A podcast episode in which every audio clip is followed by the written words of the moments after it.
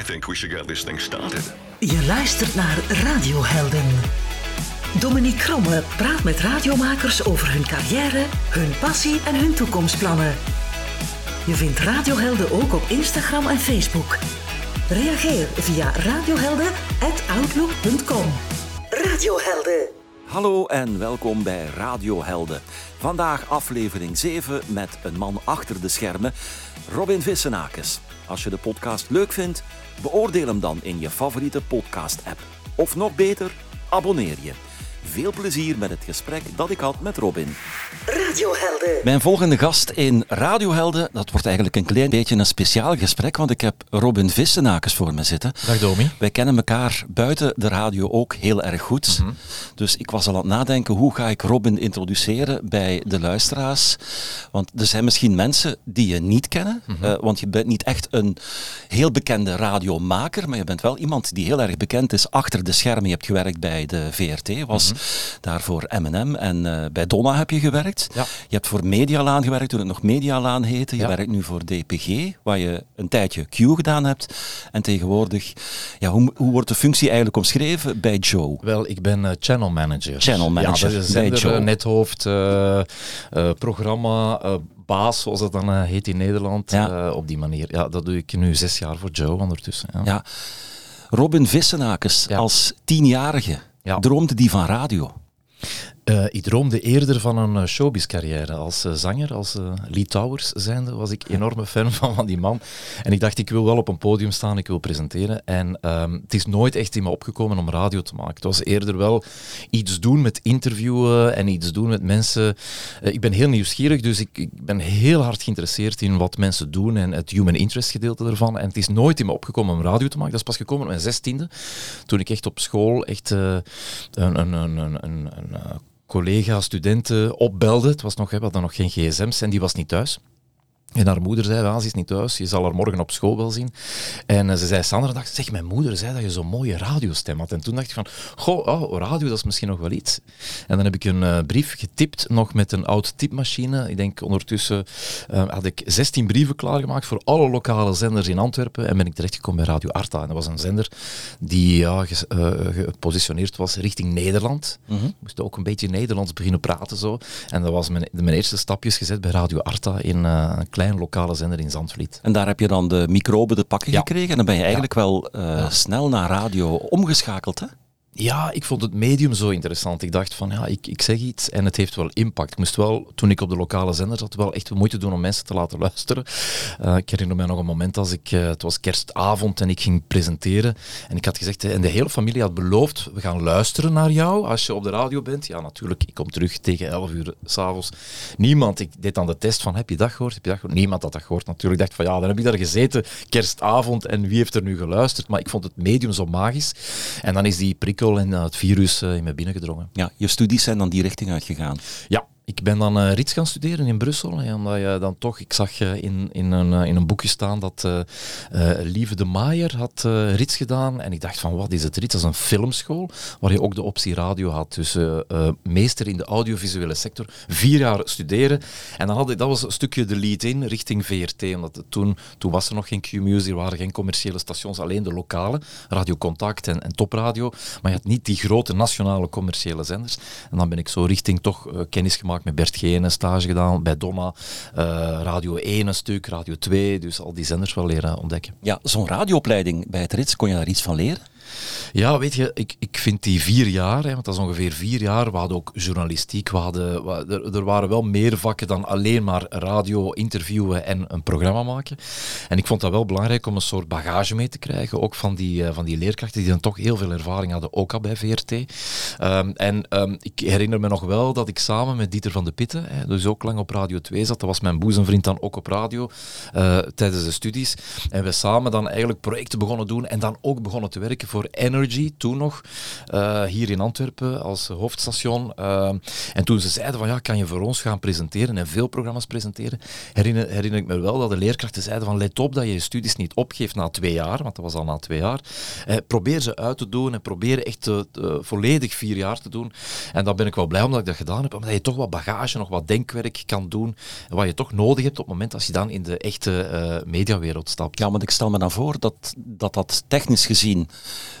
minder voorstelt, mhm. dacht ik. Maar dat je natuurlijk inhoudelijk, journalistiek, een, een betere opleiding krijgt dan iemand die het eigenlijk gewoon bij de lokale radio gaat leren. Ja, ik, ik, ik herinner me vooral dat ik heel veel programma's deed die Donna gericht waren. Hè, dus, uh, en ik herinner me ook wel dat de rit zelf, de school was die toch eerder richting de uh, linkerkant, Studio Brussel, Humo de Morgen, zo die. En ja, dat is, ik ben toch iets meer naar de populaire kant gegaan en daar kwam heel veel uh, reactie op van collega, studenten die toen zeiden, oh, de commerciële boy. Er was nog geen Q-Music. Madonna was toen het commercieel station binnen de VRT. En dat was toch een zender waar ik naar, uh, naar keek. En, en Contact en Topradio, die zenders ook wel. Dus, dat waren eigenlijk de commerciële stations van die tijd. Dat waren echt de... Ik, heb, ik denk, op elk commercieel station heb ik wel iets gedaan. Uh, ik denk van bij Topradio, de On-Air Topparade, bij Contact, zondagavond, de ochtenden vervangen. Ja, dat was... Uh, ik, ik deed dat zo graag dat ik van station naar station ging om het te proeven, om te ontdekken wat het was. Ben je dan bij Donna terechtgekomen? Via een stageplaats? Of? Uh, ja, nee, via stage. En dan uiteindelijk moet ik zeggen dat ik uh, bij VTM werkte, want ik, ik, heb de combinatie altijd gemaakt van televisie en radio. Ik was op een bepaald moment ook uh, televisiereporter voor VTM, voor Vlaanderen Vakantieland dan uh, gedaan. Dus ik heb altijd op twee benen ge, gehinkt, bij wijze van spreken. En ik voel ook dat dat een stukje, een, een stukje achterop gezet heeft, omdat ik niet wou kiezen tussen televisie en radio. -huh. En als ik fulltime voor televisie werkte, deed ik in mijn hobbymatig radio. En omgekeerd, als ik radio maakte, deed ik hobbymatig televisie. Um, en dan uiteindelijk heeft eh, Jan Knude, die toen net hoofd was van Radio Donna, gezegd, ja, we hebben wel zo'n reporter zoals jou nodig, wat je deed bij, of wat doet bij VTM, wil je dat bij ons komen doen? En zo is de bal aan het rollen gegaan. Ben ik uh, uiteindelijk ook, ik denk zelfs samen met jou, ook samen producer geworden bij Donna op hetzelfde moment. Dus, ja, dat is waar. Um, TV-werk heb je daarvoor ook gedaan, want je deed Hart van Vlaanderen, denk ja, ik. klopt. Heb je mee opgestart? Dat was uh, ja. Uh, dat programma. Royalty heb je gedaan. Ja, maar natuurlijk altijd in een andere rol. Dus ik ben begonnen bij, als 16, eh, 17-jarig bij ATV als reporter uh, in een sportprogramma. Ook weer mensen interviewen, sporters op een andere manier leren kennen. Dus dat was mijn rol. En dan ben ik terechtgekomen bij VTM. En daar was ik dan reporter Hart van Vlaanderen. En dan uiteindelijk ook, ja, ook reporter in beeld. En kon ik wel wat dingen doen. Um, en dan als ik, ben ik op een bepaald moment heb ik toch gezegd van ik voel me beter achter de schermen uh, om toch ja, een programma vast te pakken en er iets van te maken hè, in, zijn, in zijn totaliteit. En dan ben ik uh, na uh, VRT-periode toch eindredacteur royalty gaan doen bij Medialaan. En ja, dat was dan toen met de koning in contact komen. En dat was een, een heel andere wereld, maar ik ben niet zo royalty-minded, maar het was eerder in de zin van, ja, ik zag daar figuren, ik zag een soap in het hele koninkrijk België en daar dingen mee gaan doen, met mm -hmm. Laurent en met Philippe en met alles wat er gebeurde. En dat zag ik wel zitten om er iets mee te doen. We gaan even naar uh, Donna, waar je dan uh, begonnen bent. Uh, in welke functie was dat dan? Of wat deed je daar? Als vliegende reporter? Klopt. Dat was een programma, um, Lunchbox. Mark Pinte presenteerde dat op de middag tussen 12 en 1. En ik was de vliegende reporter en ik ging met een satellietwagentje eigenlijk naar de verschillende bedrijven. En ik was reporter voor Mark Pinte toen. En ik had dan toen gerechten bij. En de mensen konden dan kiezen, het bedrijf kon een spelletje spelen en won dan ofwel de boterhammetjes met choco tot het, het, het mes menu van de VRT tot een pak, een pak friet en zo. Dus het was elke keer een soort spel eraan maar het was een manier om die bedrijven aan Donna te connecteren over de middag. -hmm. En hoe ging het dan verder daarna? En, en daarna was het, ja, we hebben meegedaan aan een producersexamen, zoals jij dat dan ook gedaan hebt. En, uh, en uh, Kevin de Geest, we zijn met de drie daaruit gekomen. En dan ben ik echt in, in een rol gekomen waar ik programma gemaakt heb met Anne Rijmen, onder andere met David van Otegem, in die fase dat Donna ook David daar werkte. en dat was echt in de rol van producer van ochtend- en, en avondspits. En ik vond dat wel tof om te ja. doen. Wat hield dat precies in, die rol van producer? God ja, dat is een... Dat, een, mini-bedrijfje uh, organiseren. Dus Want heel je, veel mensen, ja. als je tegen Nederlander zegt, ja. ik ben producer van een programma, ja. in Nederland stelt dat iets anders voor dan dat bij ons voorstelt. Ja, hè? en bij televisie stelt dat ook iets anders voor dan bij radio. Bij televisie is een producer bezig met het produceren van een tv-programma. En dat wil zeggen het organiseren van de camerateams, de montages, de reporters die callsheets krijgen, uh, uh, enfin, al het uh, het geregel is producer bij televisie. En dan heb je bij televisie ook nog een eindredacteur en die is verantwoordelijk voor de inhoud. Dus je zegt van we willen dat en dat en dat Mhm. doet en de producer gaat ermee aan de slag, zodoende dat het kan gebeuren.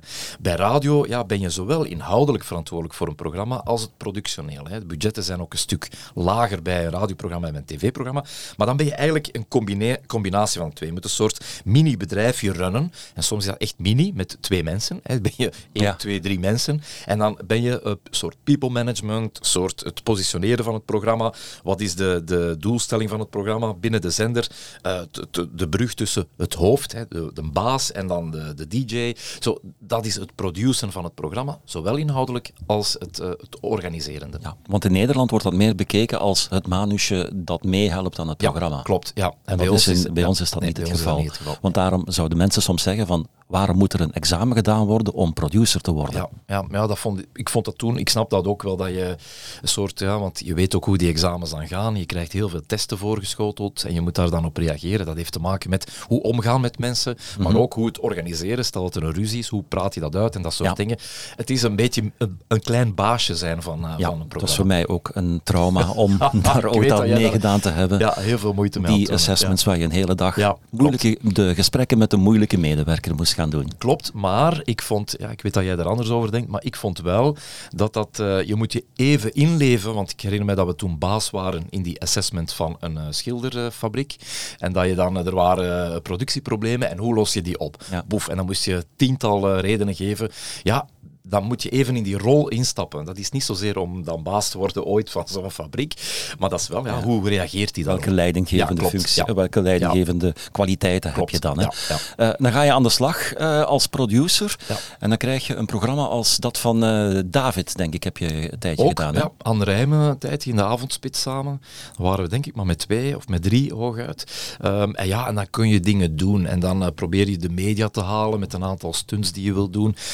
En dan ja, komt de vraag, maar ik moet zeggen, het was niet echt een vraag. Het was eerder van eh, de ochtend- en de avondspits produceren. Maar dat is natuurlijk een stuk moeilijker, omdat toch, ja, je wil ochtends alles gehoord hebben. En focus moet echt op de ochtend liggen en je moet dan de avondspits. Ik herinner me dat Bart de Pre toen zei van, eh, zie het zitten. Het was wel een vraag, zie het zitten om die twee programma's te produceren. En ik zei, dat is wel moeilijk, omdat je natuurlijk echt wel een focus wil hebben. Ja, was niet echt een vraag, zei hij. Dus wil je toch Ja, gewoon allebei vastpakken. En toen dacht ik van, oké, nu moet ik echt wel zien dat ik me georganiseerd krijg. Ja, want dat was niet de periode dat Leen de ochtend deed. Want Leen had ik vorige keer, Leen was al vertrokken dan. Hij was al vertrokken, ja. En wie deed toen Ja. de ochtend? Eh, David eh, van Otegem deed de ochtend. eh, ik denk net nadat hij dat ook even gedaan had met Jeroen van Jeroen Goris, ja. van Top Radio. Ja, Ja, en, dus meteen daarna. Ja. Ja, en dan stap je in zo'n programma en dan moet je gaan nadenken van hoe gaan we Donna hier positioneren. Want in mijn gesprek vorige keer met Leen was, Donna had het op dat moment wel heel erg moeilijk. Klopt. Ehm, goed, het was niet mijn taak om Donna te positioneren. Hè, dus daar eh, waren dan mijn channel managers of nethoofden mee bezig. Het was eerder de uitvoering naar een ochtendspitsprogramma en een avondspits. En op welke manier, ja, wat is de rol van David? Op welke manier gaat hij, schalkse manier, gaat hij de mensen wakker maken bij Donna op een toffe manier? En bij Aanrijmen was dat dan ook eh, het geval. Dus ik denk dat eh, het was niet zozeer mij, het was echt zorgen dat we de juiste dingen deden volgens de lijn die dan Donna uitgestippeld had. Ik moet wel zeggen, die lijn was ook wel een aantal keren veranderd hè, door ja, een nieuwe baas en eh, een aantal keren veranderd. Dus dat was ook niet zo evident om dat te doen. Ja. Zo'n ochtend met David, wat, wat steken dan, dan daarin? Eh, jij, ik, ik ken je nou een klein beetje ondertussen. Eh, ja, je gaat meer altijd de showbiz kant op en je zoekt, ja, zoals je net al zei, we proberen de krant te halen, we proberen media te halen. Ja.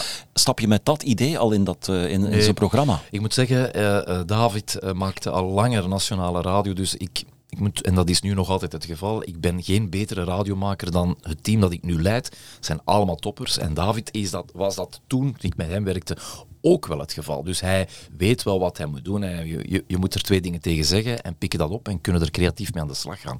Dus ik was eerder wel degene die iets eh, opgooide en zei van, moeten we toch niet iets doen rond showbiz?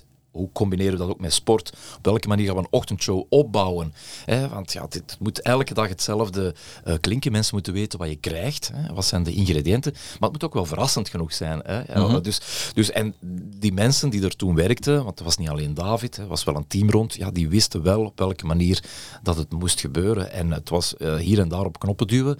En ja, soms werkt het en soms werkt het niet. Hè. Dan moet je proef onder, ondervindelijk... Ja, en hoe eh, krijg je dan die synergie tussen de avond- en ochtendspits? Want op zich zijn het twee spitsprogramma's, Ja. maar eigenlijk is het Ja. moment van de dag helemaal anders. En Ja. sta je anders in een programma, s ochtends als 's avonds. Ja, dat klopt. En, eh, en er gebeurt ook heel veel. Hè. Dus eh, de ochtend wordt wakker en je hebt het, eh, alle redacties worden ook bij wijze van spreken wakker. Hè. Er is heel veel gebeurd dan in Amerika, hè, want daar is dan wel wat showbiz nieuws dat binnenkomt. Maar in de avondspits, ja, ze gebeuren overdag ook nog heel veel dingen waar je dan weer zaken mee kan oppikken. Dus het is niet zo dat ik vond het niet zo moeilijk, contentmatig, om die beweging te maken. Ik geloof echt dat je twee shows, actua shows kan maken, die toch acht uur tussen, waar toch acht uur tussen zit.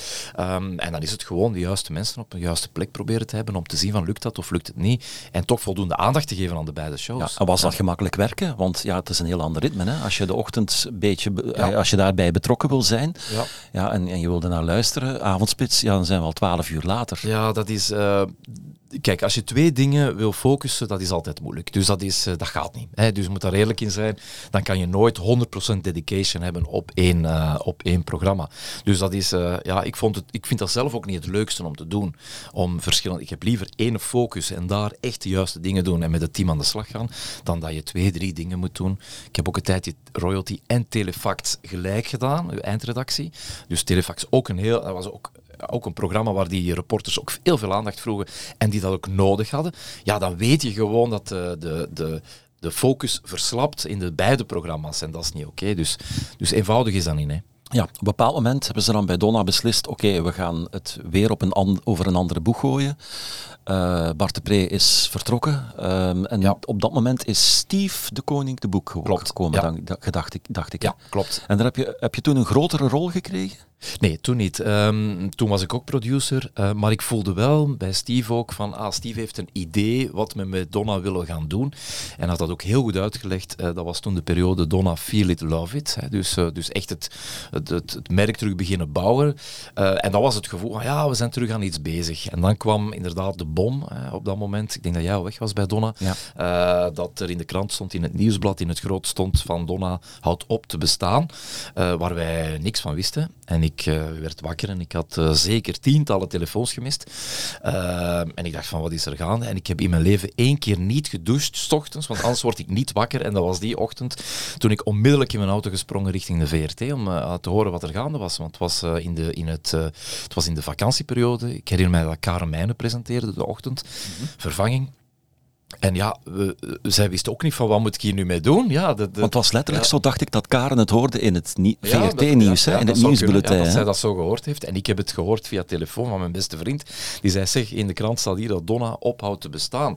En dat, ja, dan denk je wel van, eh, eh, hallo, wij weten van niks, dus even naar de VRT om te horen wat er gaande is. Ja, want ik kan mij nog herinneren, in die periode zat Donna toch weer terug een beetje in stijgende lijn. Hè? Ja, we hadden allemaal het gevoel van dit is een, eh, je weet radio, dat, heeft, dat gaat in golven op en neer en je moet Mhm. eh, blijven proberen vernieuwen of tenminste een, een fris gevoel erin te steken. En, en toen hadden we wel het gevoel van we, we gaan er, of dat die cijfers nu echt in stijgende lijn waren, dat herinner ik me zo niet. Maar we hadden wel alleszins het gevoel en als je gevoel al juist zit, ja, dan weet je gewoon, dan ga je als team beginnen bouwen aan iets. Ja, je merkte ook als, Ja. eh, als luisteraar dat het frisser begon te klinken, Ja, dat, er, dat er opnieuw een visie was, dat het niet zwalpte zoals het van tevoren was. klopt, ja. En op dat moment komt dat nieuws dan eh, keihard binnen. Ja, en dan eh, denkt iedereen van oei, wat gaat er nu gebeuren? En dan herinner ik me wel dat er een... ja, dan kreeg je een nieuwe netmanager sowieso. Greet Santi was dat. Ehm, het verhaal van Peter was dan ook mee daaraan gekoppeld. Peter van de Veire, die dan mee dan M&M ging opstarten. Maar toen was die naam nog niet bekend. Maar dan werd wel aan de redactie gezegd van ja, kijk, jullie gaan allemaal eh, nog eens bij ons moeten komen van wie gaat er mee naar de nieuwe zender en wie niet. En voor degenen die niet meegaan, waar ga je dan wel naartoe? Ik herinner me dat er dan een aantal mensen eh, richting Radio 2 gaan zijn, richting het televisieprogramma De Rode Loper. Dus daar, eh, ik ben toen meegegaan. Ehm, maar goed, ja, het, is wel met een dubbel gevoel dat je zoiets... je moet echt een klik maken op dat moment. Ja, want op dat moment was je producer van het avondblok met Ja. Dave en met Anne van Elzen, hè, denk ik. Klopt, ja. Eh, de Anne en Dave show. Ja, Ja. ja, ja, ja. was eigenlijk een leuk programma. Ja, ja, dat was echt eh, vanuit de buik gemaakt. eh, ook richting een heel pak luisteraars. Die, het was een, een, een ja, ook wat showbiz in, wat sport in. Ja, die mensen stralen ook showbiz en sport uit. Dus ik, ik had nogal snel de tonaliteit te pakken van, eh, van wat dat moest zijn. Ja. Mhm. En dan gaan we naar het verhaal M&M, waar je dan eh, mee mocht instappen. Ja. Ehm, maar zoals al bleek uit mijn eh, gesprek met Peter, helemaal aan het begin van de podcastreeks, ja, dat was al iets wat voor een heel groot stuk vastlag van dit gaat het worden. Ja, ik ben er iets later ingestapt, omdat ehm, ik herinner me dat Alain Klaas vertrokken was richting VMMA, richting de radiogroep van, van VTM, ehm, Q-Music en toen nog Joe, want Joe stond toen ook in de stijgers daar. Ehm, en dan eh, vroeg eh, Greet Santi van, zie je het zitten om een soort net, om, eigenlijk netcoördinator van M&M te worden. En dan was het de rol van het mee, maar goed, ik kwam van het producerschap en je moet dan een soort eh, ja, zorgen dat de producties op gang komen bij, eh, bij M&M. Wat Peter heel goed wist wat hij moest doen. Dus dat was geen issue. Maar je had wel Anne en Dave die ook programma gingen maken. Je had Caroline de Becker. Je had heel veel mensen die ook radio gingen maken voor ons. Ook een aantal nieuwe mensen. En die toch meenemen in het verhaal. Ik herinner mij ook dat uh, gevraagd werd van ook wat diversiteit. Een beetje later was het Brahim gaan, gaan, gaan screenen. En zorgen dat Brahim ook proeven maakte en zo, dat soort dingen. Dus dan begin je in die productieunit van M&M uh, begin je daarmee uh, mee aan te werken. Ja, en hoe was die vibe in het begin bij M&M? Ja, een nieuw radiostation bouwen is altijd tof. Ik bedoel, uh, je weet uh, aan zich ook wel dat als je een nieuw radiostation opbouwt, dat mensen heel nieuwsgierig zijn naar wat het zal zijn. Ik herinner mij dat wij een filmpje, een video gemaakt hadden. En dat was wat gebeurt er wanneer Peter Reg Reggie draait op de radio en dan start het nummer. En dan hadden we in one taker de hele redactie en iedereen deed dan gekke dingen. Dat was een soort lanceringsfilmpje wat we gemaakt hadden. Dus op zich, die sfeer klopte ook wel met wat wij deden. Alleen was er niet de hele duidelijke visie die er een aantal jaren later gekomen is van we gaan op die jongeren. Dus was eerder we gaan richting de dance, richting uh, uh, een, soort, ja, een, uh, ik zeg geen bonkerradio, maar wel een, een maar het was nooit zo benoemd geweest de ja, eerste tijd. Het werd ook eerder bekeken als een, een product. Hè? Het was ja, ja. pure marketing. Ja, en wanneer je radiozender begint te bekijken als een product en puur van dit is gewoon iets om de opvolger van Donna, want dat was natuurlijk ook, iedereen zei dit wordt de opvolger van Donna. Ja, dat is natuurlijk een, uh, een erfenis die je niet wil meedragen, want Donna was op een bepaald moment de grootste zender van de VRT. Ja. Als je dan zegt van dit moet de nieuwe Donna worden, ja, weet je, dan uh, dat is zo moeilijk om dat te verwezenlijken dan. Uh. En hoe vertaalde zich dan dat dat, dat zo moeilijk was in, in de werking binnen M&M? Ik moet zeggen, in het begin natuurlijk die ehm, je zegt dat dat zo moeilijk was, maar goed, wij maakten radioprogramma's. En Mark Koenen was toen onze programma, uh, overkoepelend programmadirecteur of zenderdirecteur. Dus ik kwam wel regelmatig naar beneden om eens te, te luisteren van wat is hier gaande. En we gaan toch gaan en Dave Show nog eens een keer nog eens piloteren. En ik herinner me wel dat, uh, dat die piloten aan zich niet zo goed waren, maar dat die twee op antenne plots wel dat er een vonk was. En dus ja, soms kan je iets plat piloteren en dan werkt het wel. Dat is vaker zo, hè? Ja, dat, dat als je ja. proeven gaat opnemen of je moet een pilot opnemen van een programma, dat het eigenlijk dat, ja, ja dus, je zit ook niet in, nee. in de vibe van een live programma. Hè? Die spanning is er niet, die, die, die interactie met die luisteraars is er niet. Dus je hebt dan op een heel andere manier dat je de radio maakt. Ook die, uh, ja, het, is, is zeggen tegen een uh, voetballer, we gaan een matchje voetballen uh, gewoon onder ons. Of het is een Champions League finale bij wijze van spreken. Ja, dan, dan laat je ook helemaal anders op om die match te spelen. Dus, dus in het begin was dat wel een fun periode, tot daar ook heel veel politieke druk kwam. Ik herinner me dat wij een aantal acties gedaan hadden waar heel veel politieke vragen gesteld werden in het parlement.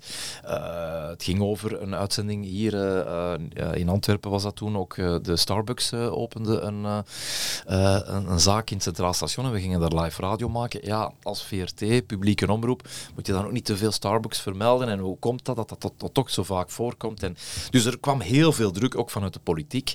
En dan herinner ik mij dat daar, ja, dat daar ook een wissel gebeurd is dan. Greet is dan vertrokken en Rino is in net hoofd geworden. En dat Rino ook zei in het begin van kom, kop in kas en we gaan even gewoon nu de basics juist zetten en een goede radio maken en van daaruit beginnen bouwen terug. Ja, Rino heeft daar heel lang gezeten hè? Ik denk dat Rino daar tien jaar gezeten heeft. Ja. Wat lang is voor ja. een radiobaas. Ja. Dat is lang, maar dat, heeft, dat geeft jou wel de tijd om uh, een team te beginnen bouwen. Niet alleen on-air, on maar ook uh, off-air, dus achter de schermen. En dat, als je als radiobaas te veel verandert ook, dan, uh, ja, dan zijn er een aantal dingen die je... Je hebt ook een idee van waar wil je naartoe als zender. En je hebt er toch minstens vier, vijf jaar voor nodig om dat te kunnen beginnen uitbouwen. Radio is, een, is aan zich een snel medium, hè, dus het gaat heel snel. Ik zeg iets en het is weg. En mensen hebben het gehoord. Het is heel snel aan de andere kant van de wereld, bij wijze van spreken. Maar het is een heel traag medium, in de zin van, luisteraars moeten jou ontdekken. En dat Slow heel business, veel- zoals ze zeggen. Ja, heel veel tijd nodig. Ja. Ja. Wat, ik, eh, wat mijn indruk was eh, toen Rino baas werd, is dat er eh, veel creatieve radio gemaakt werd. Eh, ja, Rino is natuurlijk ook een radiomaker, hè, waar Greet eerder vanuit de marketing eh, keek, eh, standpunt keek naar, naar ehm, waar... Kijk, ik moet zeggen, van alle eh, nethoofden die ik heb gehad, alle bazen die er ook geweest zijn, heb ik allemaal wel dingen opgestoken. Ga van Jan Knudde tot, tot Rino, tot, ehm, tot, tot, tot, tot Erwin, eh, Erwin Dekkers. Tot, dus allemaal steek je daar dingen van op. En die dingen neem je ook mee. Er zijn ook zaken bij dat je denkt van, zo zou ik het niet doen. Dat probeer je dan ook niet te doen. Dus je probeert je eigen stijl en je denkt van, ah ja, oké, goed. En dus zo ga je mee aan de slag. En Rino was ook wel al jarenlang een eh, radiomaker bij Radio 2. Hè. Dus die heel veel ervaring had. En vanuit, ook vanuit het eh, publieke, of vanuit de openbare omroep gedachte, heeft hij dan M&M ook wel of, of zijn ding mee kunnen doen. Ik heb Rino, denk een jaar, hebben we samengewerkt. En dan ben ik wel richting, eh, richting eh, VTM gegaan Waarom? omdat ik voelde dat, het, dat M&M, ik- je, je voelde potentieel, maar ik kreeg geen connectie meer met het merk. En ik, eh, in de zin dat die jongeren, eh, dat ik daar meer moeite mee had om connectie te hebben met die jongere muziek. Met die, en dan, dan moet je daar zelf ook de beslissingen nemen. En toen kwam op de vraag van VTM uit, van VTM Nieuwsdienst, wil jij voor ons, want we kennen jou van vroeger, wil jij voor ons niet eindredacteur worden van Royalty? Een tv-programma, ene keer in de week, maar we hebben daar hoge verwachtingen. En we zien jou, jouw profiel wel binnen de nieuwsdienst. En dan heb ik gewoon, zonder te onderhandelen, is het gewoon gezegd van oké, ik doe dat. Ik ga zeggen aan, eh, aan VRT dat ik het niet, eh, of tenminste dat mijn verhaal hier even stopt, eh, of dat het hier stopt en dat ik richting eh, eh, DPG toen VMMA ging, of Medialaan. En dan, ja, dat is toch een soort ja, goesting dan weer. En dan eigenlijk op hetzelfde moment ben ik ook bij Joe beginnen presenteren in het weekend, eh, de weekendochtenden. En dat was dan radio mijn hobby geworden en tv fulltime eh, bij de VTM Nieuwsdienst. Ja, hoe was dat om te presenteren? Eh, ik vond dat heel leuk, maar ik voelde me altijd wel een stukje een kleine radar in het geheel. En niet alleen omdat je in het weekend presenteert. Je presenteert dan eh, toen van 7 tot 10. En dat heeft... De liefde voor de radio was zo groot dat maar mijn vrijdag, ik werkte heel de week, maar vrijdagavond om eh, 8, 9 uur toch gaan slapen. Wanneer je op feestjes zat, zei ik tegen mijn, mijn lief toen van kom naar huis rijden. En ik heb een kussen bij en een deken bij en ik slaap al in een auto, al een stukje. En dan, up, dan ben ik morgen op de radio en zondag ook.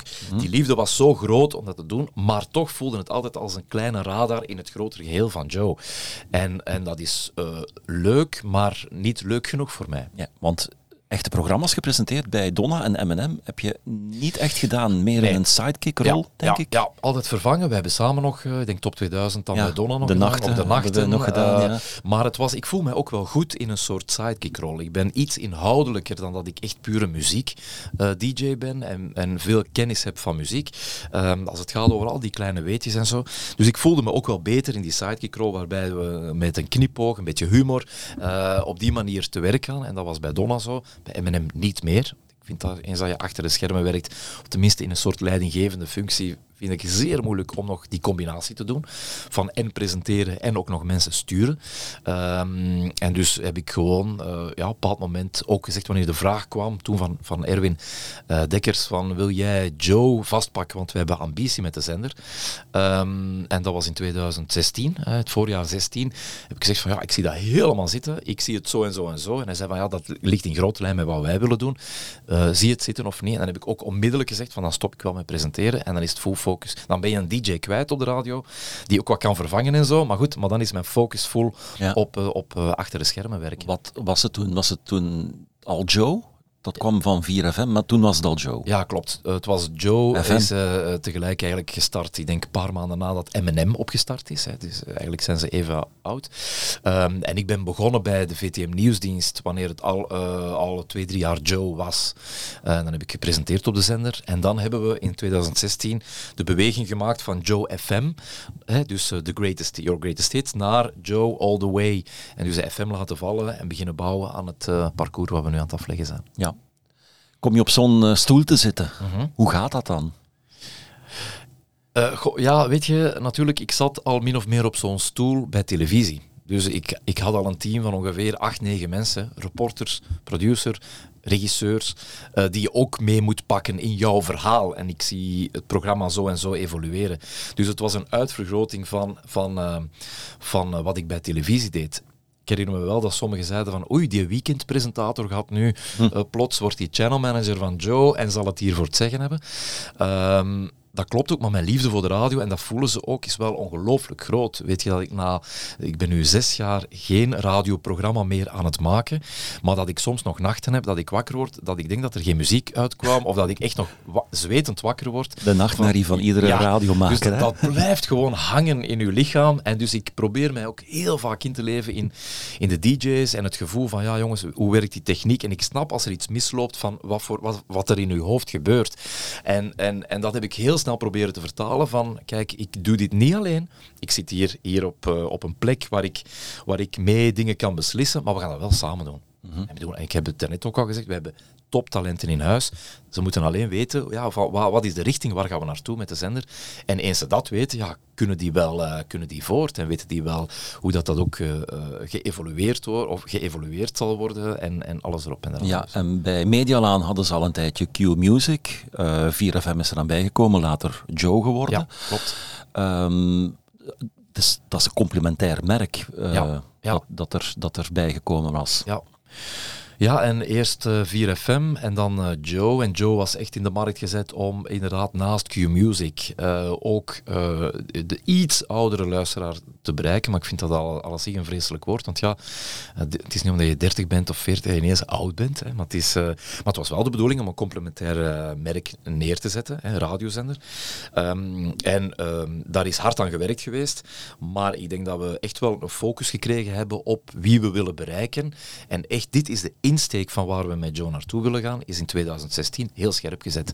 En dan kan je daar ook beginnen werken rond uh, programma's en rond rubrieken en rond acties en zo. Ja, en dat is dan uh, gebeurd met bijvoorbeeld, ik weet nu niet in welk jaar dat Sven gekomen is, is dat dat 16, jaar? Ja, 2016 ja, geweest. Ja, dan heeft Sven de overstap gemaakt Klopt. van Q naar Joe, waar je eigenlijk de ochtend-DJ van uh, Q hij was wel een tijdje al weg van de ochtend Ja. bij Q, bij Joe krijgt. Ja.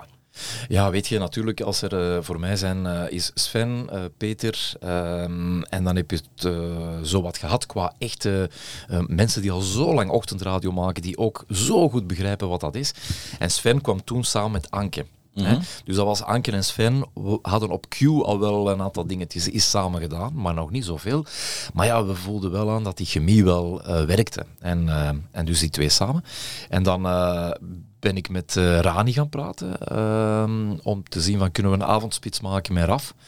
Um, en we zijn gewoon, heb ik gezegd, en ze zei van ja, ze had toen ook, ook uh, niet veel, of tenminste geen televisieopdrachten. En zei van ik wil terug wel radio maken, want dat blijft wel hangen. Vroeger ook wel radio gemaakt voor Donna en Radio 2. Um, en samen met Raf van Brussel is afgesproken. En ik zag daar iets gebeuren aan tafel en die twee. En er zat daar een echte lach en een echte oprechtheid van hoe, hoe, hoe zij met, met, met elkaar op, op, op schieten. En dacht van ja, hier kunnen we wel iets mee gaan doen op radio. En dan ook gezegd van, en dan die positionering beginnen doen met Alexandra in de voormiddag, Karel Schmitz in de namiddag. Beginnen bouwen aan een vast programmaschema. En dat is eigenlijk uh, ja, dat, daarop beginnen werken en beginnen uh, uh, luisteraars beginnen bouwen. En dat is een basis die eigenlijk al lang ja, klopt. tot voor kort, hè, want ja. tot voor kort gaan we het zo meteen nog wel even over hebben. ja, je hebt dan de kaarten in handen, dat je eigenlijk een heel goede ochtend-DJ, heel goed ochtendduo hebt. Ja. Heel goed avondduo. Ja. Um, Sven, aansturen, is dat gemakkelijk? Met de ervaring ja. die hij heeft? Ja, dat is eigenlijk, ik moet zeggen dat uh, dat is heel gemakkelijk. Omdat je tegen Sven, je hoeft ook niet veel te zeggen. Meteen, ah ja, het is zo en zo en zo. Uh, vanmorgen zaten we ook nog samen. Hij zegt twee, en hij zegt gewoon alles wat in je hoofd. Maar dat, dat heb je met radiomakers onder elkaar. Je hoeft, ik hoef niet te zeggen hoe zij het moeten doen. Ze mensen weten dat beter. Degene die op dat blok zitten, die al zoveel ervaring hebben. Want ja, Sven heeft al ervaring van, zelfs begonnen bij Radio 2, Donna, Q en nu dit. Ja, die weet perfect. Ik een half woord, even nog maar een knipoog van, mm, en weet al van, ah ja, het is die richting uit. Dus dat hoeft niet veel te zijn. Wanneer het komt op muziekprofilering van het station, wanneer het komt op uh, wat is de, de, de sound van uw station in, in jingles en, en uw baseline en uw look and feel en welke DJ's uh, worden de personalities van uw station. Ja goed, daar de focus van een ochtend-DJ, ochtend-DJ's in samen met Anke, is die een ochtend. En het team daar rond. En zij zijn métier, zij zijn, mee, dat zijn de spitsen. Dat is zoals je niet tegen Messi moet zeggen, dat hem, uh, hoe waar, ja, ja, waar hij moet trappen of ja, hoe hij de bal moet trappen. dat- denk, ja. weet je, dat, dat weet die mens beter dan, dan eender welke dan de coach. trainer zelf waarschijnlijk. Het is alleen de, de pionnen zetten op de plaats waar ze, waar ze moeten komen. Ehm, ja, zo- zo'n zo'n visie om zo'n radiostation dan in die richting te sturen, hoe, hoe begin je daar dan aan? Eh, dat doe je dan samen met Erwin. Je hebt dan samen Klopt, een idee van oké, hier moeten we naartoe met deze zender. Ja. Goed, ik ga nu niet alles vertellen hoe je dat Nee. eh, precies doet. Maar eh, anders is dit een, eh, een podcast voor dummies. Hè. Hoe, word je, hoe positioneer een radiostation? Maar het is wel zo dat, wat ik ook gezien heb bij M&M, wat ik, gezien, wat ik zie bij Joe, wat ik zie ook bij andere zenders, je ziet dat wel gebeuren, Donna in de tijd. Ja, dat, dat gebeurt natuurlijk door, niet alleen, je hebt een, een, een deel data, en dat is research, en daarmee zie je dingen gebeuren, hè, goed, maar dat is data, je moet dat nog wel weten, de kunst van radio ervan maken, en dat doe je dan echt met radiomakers, en zeggen van, kijk, hoe, hoe gaan we ons positioneren, wat, wat gebeurt er ook in de wereld, wat gebeurt er in Vlaanderen, wat, welke bewegingen zijn er op gang komen. Covid-jaren, dat zijn andere radiojaren dan voor Covid of na Covid, dus je moet daar, je moet, je moet in een soort octopus eh, continu met al dat soort eh, zaken bezig zijn, om daar dan uiteindelijk een, een hele leuke radiozender van te maken met een kloppend hart. En dat is, eh, dat is samenwerken, niet alleen met mensen die op antenne zijn, maar ook achter de schermen. Niet alleen dan producers, maar ook mensen die iets voelen van digitale marketing, die iets voelen van online, die iets voelen van research, die, die inzichten hebben in, in allerlei soorten zaken die je samenneemt en daar probeert daar de kunst van radio mee te maken. Ja, maar dat is het probleem misschien, dat, dat leken, mensen die ook naar deze podcast luisteren, dat leken niet echt doorhebben wat die functie eh, eigenlijk inhoudt. Behalve, ja, ze denken van, ja, dat is een baas van een radioprogramma, maar er, achter de schermen gebeurt er veel meer bij, een, eh, bij een radiostation. Ja, het is, het is eh, vergelijk het, ik vergelijk het altijd met, het is 90 minuten een voetbalmatch en dat is superbelangrijk. De match wanneer je speelt tegen je tegenstander, maar de voorbereiding, het is niet dat die voetballers na 90 minuten een week lang vrij af hebben om dan de volgende match te gaan spelen. Dus die komen terug. Er wordt met die voetbalspelers ook strategisch naar hun eigen positie gekeken, van wat heb jij gedaan afgelopen, dat is feedback geven. Wat heb je gedaan en hoe heb je het gedaan? Kijk, we kijken naar die beelden. Of bij radio, we luisteren eens een keer terug naar, de, naar het programma. Dus dat is, eh, en dan ga je kijken naar, oké, hoe kunnen we het als team samen, hoe, past dat samen en wat is de volgende tegenstander die eraan komt? En daar ga je dan ook weer op werken.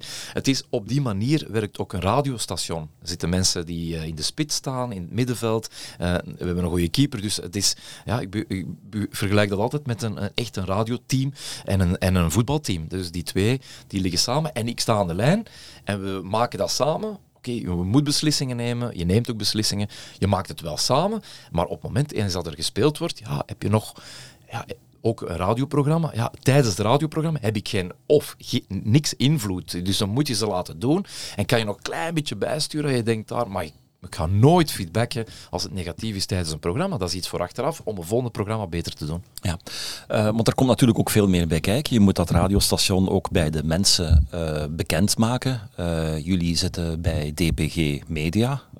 VTM-zenders, die helpen daar waarschijnlijk bij, omdat je daar reclame kan maken voor je zenders. Maar je, doen, je moet veel meer doen, hè, want je moet ook acties verzinnen. Je moet ook... eh, een, een radiozender bestaat uit, eh, je hebt je, DJ's, je muziek, je programmatie, hè, dat is dan eh, samen maken. En dan heb je acties die je doet, waarmee je toch ook wel kan prikken eh, op bepaalde momenten. En dan heb je de hele marketing, dat is een spotlight zetten op de dingen die je doet het hele jaar door.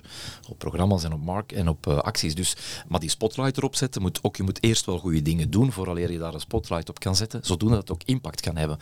En dan heb je, eh, ja, dan heb je een, eh, het, het, het, voordeel dat je in een groep zit, die, eh, waarbij ook alle andere merken ook wel voelen van wow, wij houden ook van Joe. Je moet dat soort verliefdheid ook kunnen binnen de groep van DPG ook kunnen uitstralen. Dat is iets wat onze DJ's doen, wat ons team doet, wat ik doe binnen, binnen mijn collega's dan bij VTM of bij het laatste nieuws. En ja, een soort liefde voor het merk en hen mee ook warm maken voor de dingen die wij doen. Maar zij zijn altijd onafhankelijk, kunnen zij beslissen, wij willen er wel of niks mee doen. Eh, is het goede content, is het een leuke actie, sluit het aan, willen we er... Dus je moet op die manier ook wel te werk gaan. Je moet een soort, ja, ook weer, weer een octopusachtige persoon zijn om dat te doen. ja, hoe hou je de vinger aan de pols eh, wat betreft die acties? Ja, ik zeg het. ehm, ik krijg heel veel vanuit mijn team zelf. Die dus uh, zeggen van, hey, moeten we daar niks mee doen? Of kunnen we niks? Of, of zijn we niet te veel dat aan doen? Of moeten we niet dat doen? En dat is goed dat dat gebeurt. Ik vind dat er heel veel over gepraat kan worden. Uh, ook in de meetings die we dan hebben en dat we samenkomen. Uh, dus er gebeurt ook veel vanuit ochtend bijvoorbeeld zelf al. Dat Sven en Anke met een idee komen. En goed, en dan ga, begin je daaraan te werken. Je bent dat ook wat te challengen. Je moet niet altijd uh, direct ja zeggen. Dus, maar, maar goed, ja, dat is ook leuk. Ze begrijpen dat ook, het spel tussen, tussen van, hey, we hebben dat idee, kunnen we dat zo uitwerken? Dat bekijken dat in de kalender ook. Van, past dat ook op het moment? Zit dat wel juist? Moeten we dat nu doen? Gaan we even wachten? Hebben we daar de nodige budgetten voor nodig? Wat, wat, wat, kost ons dat? Ja, uiteindelijk komt daar toch meer bij kijken dan... We hebben een leuk idee, want het kost toch ook altijd wel centen en mensen. Dus, ook de taak van een channel manager om een beetje boekhouder te zijn. Klopt, ja, ja, dat is uh, ja, absoluut zo. Anders moet jij het gaan uitleggen bij jouw baas. Hè? Maar daar heb ik geen moeite mee om het te gaan uitleggen. Uh, omdat ik... Ja, omdat de radiozender en, en het team, ja, ik, ik probeer ook altijd naar hen toe van als je ideeën hebt, goed, laat ons die financieel even, als het een goed idee is, dan zoeken we geld. Uh-huh. Hoe ook, maar dan gaan we ergens besparen of gaan we iets anders doen. Maar we moeten het gewoon, als we echt een tof... Dat is de liefde voor de radio. Hè. Dat is de liefde om het uh, naar de luisteraars toe te brengen. En, en, en, en dat, ja, dan, dan voel je dat ook op de radio. Wat zijn de acties waar je het meeste trots op bent? Ja, ik, de flexibiliteit die we met Joe hebben en de acties die we doen, zitten bij ons bijvoorbeeld in uh, Couriers van Plezier. Dat is een actie die in de COVID, uh, de twee maanden, uh, twee jaar liever, dat we heel hard in Vlaanderen en de rest van de wereld afgezien hebben wat COVID betreft, maar dat je wel voelde dat radio een vaste vriend was voor heel veel mensen. En dat het toch een houvast was in ja, toch een tijd waarin alles anders was. Hè. Dus je kon in, kinderen bleven thuis, je kon niet gaan werken, je moest thuis meetings doen, dus wat allemaal, radio was je vaste vriend geworden. En als je dan op die manier ook wel je programmaschema wat aanpast en je ochtendteam daarmee inpakt en ook vanuit de zender daar een actie bedenkt la couriers van plezier, omdat de courierdiensten heel veel werk hadden met pakjes aan huis brengen en we daar het idee hadden van laat ons uh, vooral vanuit de kleine gelukjes aan huis brengen. Dus jij kon iemand inschrijven en dan gingen we er naartoe met een klein gelukje aan huis te brengen. Dat kon een bos bloemen zijn met een mooie boodschap, maar dat kon even goed zijn van ga een, weekend naar Plopsaland en Gert Verhul stond mee aan de deur. Dus de verrassing en de, de sprankel die in die actie zat en waar alle DJ's dan ook aan meewerkten, dat zijn de mooiste acties, vind ik persoonlijk. Omdat je dan echt het team voelt en, en, uh, en dat je daar uh, zaken mee doet. En onlangs hebben we dan, en dan vanuit het soort ja, evenementiële acties, Joe Summer Island, een stap die we gezet hebben na vorig jaar een muziekrad in Westende op de dijk, hebben nu een hele kermis uitgebouwd, een soort Coney Island, en daar radio gaan maken en ook beleving brengen op de dijk zelf en voelen met optredens en dat je daar zes weken lang in Westende staat en dat DJ's en producers en iedereen ja, met een big smile daar aan het werken is. Dat is ook wel opvallend, want ik las ook onlangs, ja, bijna alle, ik denk bijna alle radiozenders zijn gewoon aan de zee geweest deze zomer. Hè? Maar goed, ik denk dat je als radiozender, um, en da daarom ook dat, dat ze dat doen, je moet ook buiten komen. Hè. Ja. Als je in je, en zeker na twee jaar dat je niks kon doen, is het een moment om terug buiten te komen. En in de zomer ja, zit iedereen, of veel mensen aan de kust. Uh, en kan je dat soort radio daar ook maken. Dus dan, dan voel je ook, uh, ook wanneer je bijvoorbeeld in Hasselt naar de radio luistert, je voelde een stukje vakantie in je radio. En dat neem je dan mee. In ons geval met attracties en met, met, met, met frietjes en met met eh, hotdogs en met cocktails en het hele, de beleving ter plaatse meepakken in je radio en die goesting geven aan een luisteraar aan de andere kant van de, van, uh, van de radio, ja, dat, is, ja dat, dat, dat zorgt voor een glimlach. Ja, en jullie zijn ook, ook een zender die vaste waarde heeft in de programmering op jaarbasis. Hè? Jullie hebben ja. ieder jaar de top 2000. Ja, klopt. Die er binnenkort weer aankomt. Ja, klopt. Die, die staat, en dat is een traditie van Joe die al, uh, denk al 12 jaar is, hè, om die top 2000 uh, iets in het uh, begin van het najaar te doen. Om daar een, die hitlijst te pakken. En, en dat is een momentum dat we graag ook nemen, omdat we daar echt de muziek laten, ja, laten hoogtij vieren. En dat vind ik ook wel heel tof. Omdat je, omdat je ook voelt dat de DJ's er echt naar uitkijken om, om die twee weken echt muzikaal vast te pakken ja. en om er ook dingen mee te doen. Want dat, het blijft, bij Nostalgie hebben we ook een top 2000. Mm -hmm. Bij uh, Radio 2 hebben ze ondertussen ook een top 2000. Radio ja. 1 heeft een top 1000. Ja. Er zijn heel veel lijsten. Hè? Ja, en je moet altijd wel opletten dat je niet te veel lijsten doet, hè, omdat je toch als zender ook iets meer wil zijn dan alleen maar een hitlijst. Ehm, maar goed, de top 2000 is natuurlijk de, de muzieklijst der muzieklijsten. Hè. Dat gaat van de jaren eh, eind 50, bij wijze van spreken, 60s, 70s tot en met nu. Uh, dus ja, je moet daar wel, dat is de lijst der lijsten. Hè. En bij Joe heb je dan de top 1000 van de 80s, hè, die we ook groot vastpakken, omdat dat echt wel onze core is. Uh, en dan kijk je naar de 70s en de 90s een keertje, maar dan ja, probeer ook niet te veel de lijsten te doen, want ja, het zijn dan ook maar lijsten, omdat heel veel zenders het ook doen. Dus. Ja, en daarnaast komen dan ook nog gewone, actie, ay, gewone acties tussen aanhalingstekens, Robin. Ja. Begrijp me niet verkeerd. Ja. Een pakje van mijn hart, eind vorig jaar, Ja. heeft ook heel veel krediet eh, opgebouwd hè, voor, voor Joe. Ja, want dat is ook zo'n actie waarbij ik het gevoel heb dat, eh, ja, dat iedereen trots was op hetgeen wat we gedaan hebben. Ehm, en, en dan bedoel ik echt het hele team en ook binnen het bedrijf. Omdat we hadden het, het gevoel van we moeten ook iets doen met de problematiek van kinderen eh, die eh, in armoede leven en die nooit een pakje onder de kerstboom krijgen. En we hebben die actie aan zich vrij snel opgestart, dus in het najaar opgestart en daar een goede titel aan gegeven, een goede, hele duidelijke focus aan gegeven. En dat je weet dat je op twee weken tijd een miljoen euro inzamelt. Zonder, want daar waren we eigenlijk allemaal te laat voor om eh, bij Bart de Wever te gaan horen of hij nog centen had vanuit de stad Antwerpen of bij Jan-Jan Bon te gaan horen of hij vanuit de overheid nog wat centen had. Daar waren we allemaal te laat mee. Dus gewoon puur vanuit de kracht, vanuit het idee en de, de uitvoering van onze DJ's en het team achter de schermen, eh, de marketing die erop zat, de juiste dingen doen, de juiste feel vastpakken en gewoon luisteraars die 10, 20, 30 euro gaven en dan een bedrag van een miljoen, 14.900 euro was het. Ja, dat is, dat is, en dan sta je daar op die finale moment eh, op de grote markt in Antwerpen en dan heb je dat trotsheid en dan zie je het hele team glunderen en die zeggen van dat willen we terug doen. En zeggen ze van, gaan we dat terug doen? Ja, we gaan dat terug doen. En dan voel je van, en dan, ja, dan, dan ben ik gelukkig, dan ben, ik- dan ben ik de gelukkigste mens die er is op dat moment. Ja. Eh, naast Joe heb je ook een tijdje Q gedaan. Daarbij. Ja, ja ook daar, hè, daarbij. Hè. En dan eigenlijk ook terwijl Willy opgestart, hè, dus eh, de, de digitale rockzender. Dus er kwam heel veel, toen was het bordjes in de lucht houden. En dat, dat was niet evident. Dat was Want je, heel, want je zei Ja. eerder al, eh, ik was de voeling wat kwijt bij Ja. M&M, dat jonge product. Ja. lag niet meer in mijn leefwereld. En dan kom je toch bij Q, wat eigenlijk dezelfde leefwereld Ik is. vind Q toch eh, jongvolwassenen, hè, terwijl dat we bij M&M toch, toch eerder jonger zaten. hè. Dus tieners eh, zat Q wel op de jongvolwassenen. En ook wel zeggen dat, ja, en Maarten, Dorothee, Vincent, ja, dat zijn, ja, ik ga nu, Ma- Matthias, er zijn heel veel mensen die, die zeer veel kwaliteit, en dat is een top, top, top team. Dus je hebt daar eigenlijk gewoon ook kanjers bij elkaar. Net zoals dat bij Joe ook het geval is. Net zoals dat we bij Willy ook een aantal mensen hebben eh, meegenomen in het verhaal. Die, die, die, die liefde voor de radio zo hard omarmen. Alleen als je daar eh, ja, drie dingen doet, namelijk eh, en nog de liefde voor Joe hebt, waar je toch al vier, vijf jaar alleen focus op werkt, met het team aan aan het bouwen bent, en, en Q erbij, ja, dat, dat mocht niet, het mocht niet erbij zijn. Eigenlijk moest Q gewoon absoluut topprioriteit hebben. En ik, ik vond het te moeilijk om alle die drie dingen goed te kunnen doen. Eh, die bordjes in de lucht te houden. Ik herinner mij dat ik van een, een, een, een DJ-meeting van Q onmiddellijk daarna een DJ-meeting bij Joe had en dan een DJ-meeting met Willy. En dacht van ja, je kon projecten niet genoeg opvolgen, je kon te weinig urgentie, je kon te weinig doordenken over de dingen. En eh, dat, was, dat was gewoon te moeilijk om drie stations echt... eh, het is ook moeilijk, denk ik, voor de DJ's, omdat je dan denkt van, Absoluut. ja, eh, Ja. Joe, Ja. de Joe DJ voelt zich in de steek gelaten, want je bent met Q bezig. De Q DJ Ja. voelt zich in de steek gelaten, omdat je nog wat met Joe bezig Absoluut. bent. Ja, absoluut. Dus ofwel had ik daar zelf eh, de keuze moeten maken en zeggen van ik stop en ik ga met full focus daar doen. Maar ik, ik, op een of andere manier voelde me dat niet goed aan om Joe los te laten. Dat is, het is een zender die ehm, eh, zeer muzikaal binnen mijn domein. Het is, het, is, zoals een jasdomie die je aantrekt en die zit gewoon onmiddellijk goed. En je kijkt in de spiegel in de winkel en je denkt van wauw, dit zit mij goed en die knopjes en ik kan daar dingen mee doen. Eh, ja, en dat zat zeer goed. Dus ik had heel veel moeite om dat los te laten. Ook omdat, omdat die mensen ook, ja, die, die zitten in je hart, je neemt die ook mee. Ehm, en je moet dan echt wel keuzes maken van waar ga ik mijn focus leggen. En je kan eigenlijk niet zeggen, ah, maar doe 60% eh, Q, 30% Joe en 10% Willy.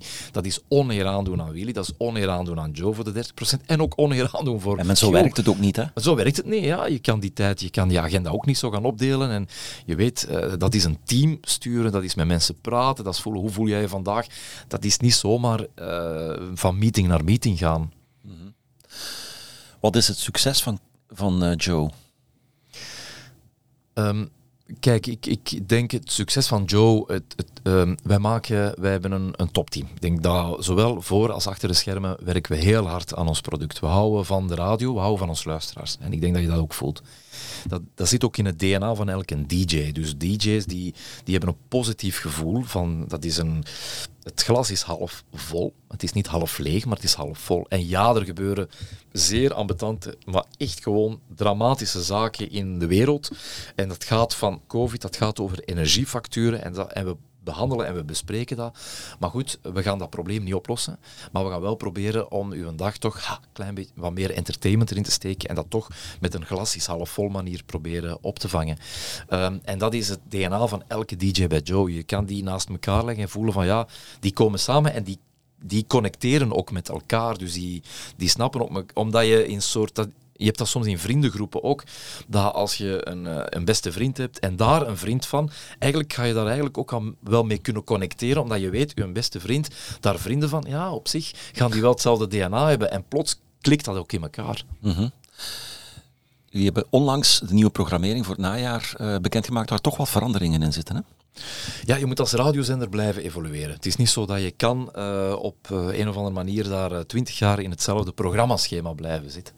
Want dit was al lang, hè? Uh, als was je nu de, zes jaar. De, dus, dagprogrammering ja, zag, van zes uur s ochtends tot zeven uur s avonds. Ja, en aan zich verandert er uh, ook... Ja, je hebt natuurlijk het uh, ochtendblok blijft stabiel en in, ook, ook hen, Sven en Anke, zijn aan vernieuwing bezig binnen hun programma. Moet ook gebeuren.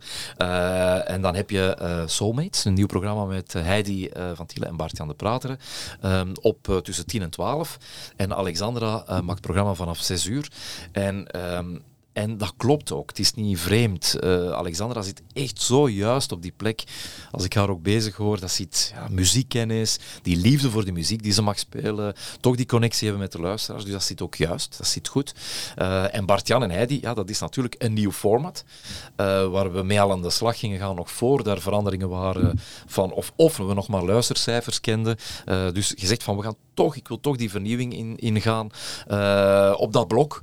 Omdat ik denk dat we er nog dingen kunnen doen. Dat we daar wat frisheid, wat nieuwe dingen kunnen gaan uh, in beweging zetten. Want het werd een beetje verkocht als het is de langste ochtendshow tot 12 uur. Hè? Ja, goed. Natuurlijk, het is uh, uh, speciaal voor een commerciële zender om een duo ook nog na 10 uur te plaatsen. Ja. Hè? ik was vorige week in Nederland en een aantal channel managers daar ook gezien zeggen, nou, dat was daar blijkbaar het grootste nieuws. Je hebt een, een, de hele dag door duo's. Dat toch net iets anders gelezen of gehoord.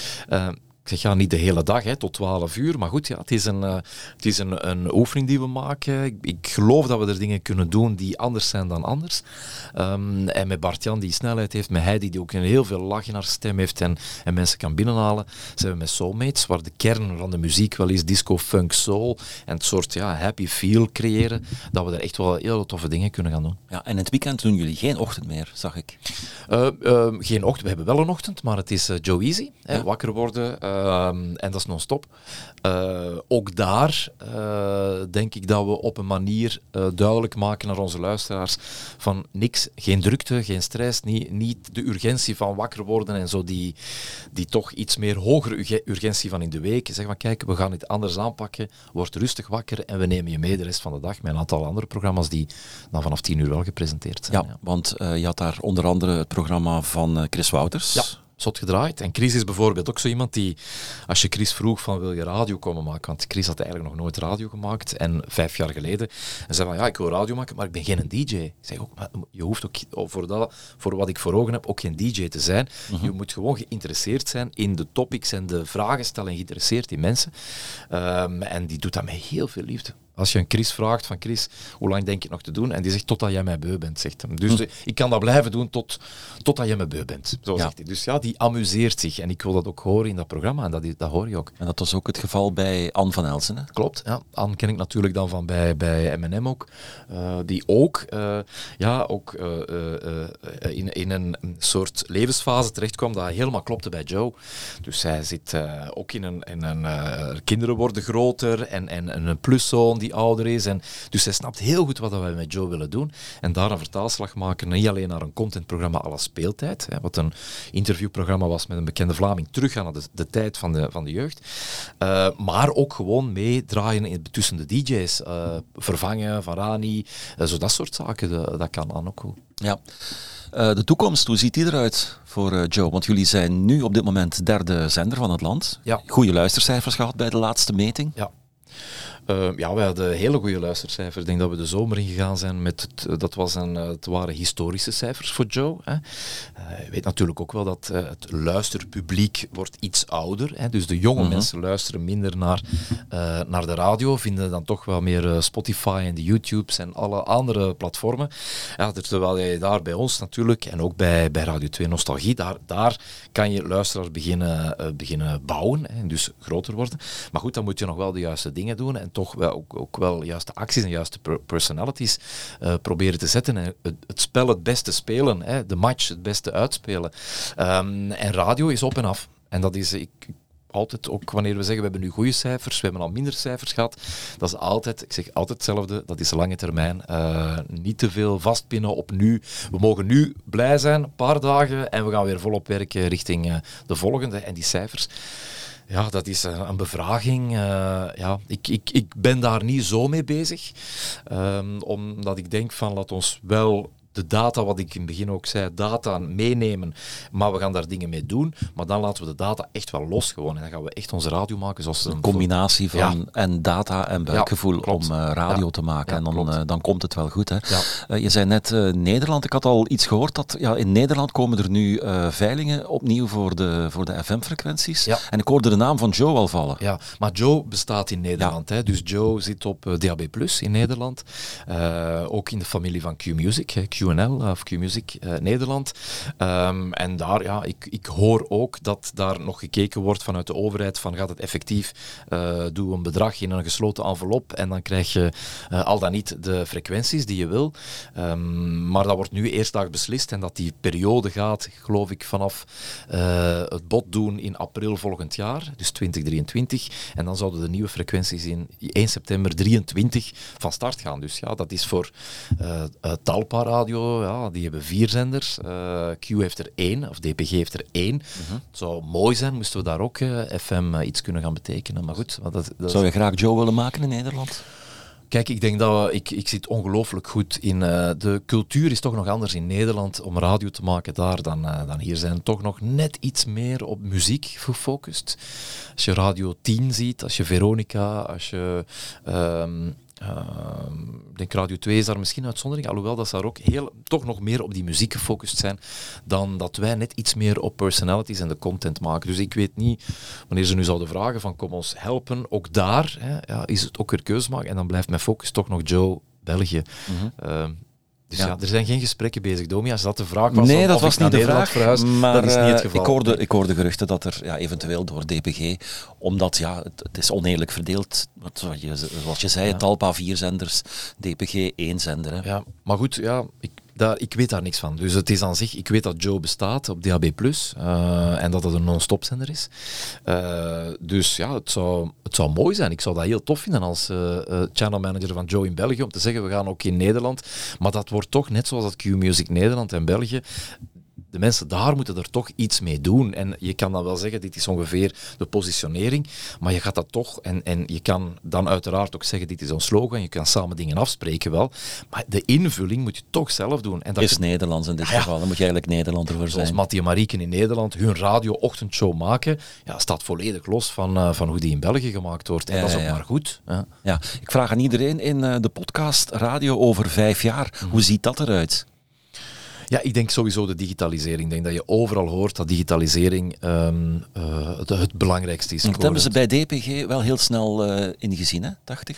Ja, wij zijn natuurlijk wij, met Joe hebben we een familie van zenders gebouwd, vijf jaar geleden. Hè. Joe 6070's, wat ook nu de nummer één is in de laatste meting op uh, de digitale zenders. Hè. Dus ook voorbij M&M Hits. En dus, dat is de, de, dus die digitale zenders waren voor ons een soort familie van uh, extra luisteraars die we kunnen aantrekken. Uh, ehm, DHB+, ik denk dat dat nog een, een tijdje een soort uh, tussenstap zal zijn, maar dat je toch richting de IP gaat, richting de radio in je, in je broekzak, radio op je laptop en op andere manieren radio gaat consumeren. Zelfs ook ja, radio via Nikon, via uw, uw uh, autospeler, uh, radiospeler. Dus het, medium radio gaat evolueren. Ik hoop dat de liefde voor de radio groot blijft en, en het live gegeven en een stuk evenementieel wat je eraan kan koppelen en het gebeurt hier en nu, dat dat nog een heel lang stuk overeind kan blijven. Um, en, en dat is aan ons, samen, met de publieke omroep, met de openbare omroep, met alle commerciële stations van Nostalgie, Q, Joe, um, maar ook top, top, alle, alle commerciële partners en de publieke omroep om ervoor te zorgen dat het mediumradio heel sexy blijft en dat je dan elkaar wel kan beconcurreren op inhoud en op uh, wat je precies doet. Maar daar, is, daar moeten we echt gewoon alles op alles zetten om het mediumradio uh, uh, hot te houden, want dat staat wel onder druk. Ja, want dat staat heel erg onder druk, want als je naar moeilijker. Ik bedoel, het, het, jongere publiek luistert veel minder naar de radio. Dat zie je bij M&M, dat zie je bij Q, dat zie je in Frankrijk, waar luisteraars bij Energy gewoon heel veel uh, weglopen. In Nederland zie je dat bij 538. Ja, dat is echt de uitdaging. Hè. Denk de uitdaging van uh, uh, nethoofden, channel managers, van jongere merken. Hè. Dus van, ja, dat, dat daar ook gekeken wordt naar ja, waar, waar zitten de jongeren en hoe kunnen we hen bereiken. En we hebben radio als zijnde, we zijn een radiozender. Maar goed, we zijn eigenlijk... Ja, Joe, Q, maar ook andere stations. We zijn we moeten wel denken over, we zijn net iets meer dan alleen maar radio. We zijn ook heel aanwezig op social media en dus meer een soort beleving aan het worden ook op andere platformen. En uh, meer dan alleen maar radio moet je een deel worden, uw beste vriend die je meeneemt in uw broekzak. Uh, en toch anders beginnen radio te maken dan dat we dat gewoon waren. Uh, en die evolutie vijf jaar, ik denk tien jaar, ja. maar er gaat toch nog wel wat op ons afkomen, denk ik. Ja. ja. Robin. Weet je alles nu, Domi? Niet alles. Je wilt ook niet alles vertellen. Maar ik snap het. Um, dankjewel, Robin. Heel graag gedaan. Dit was Radiohelden. Reageren kan via radiohelden.outlook.com. Je vindt Radiohelden ook op Instagram en Facebook. Tot de volgende keer.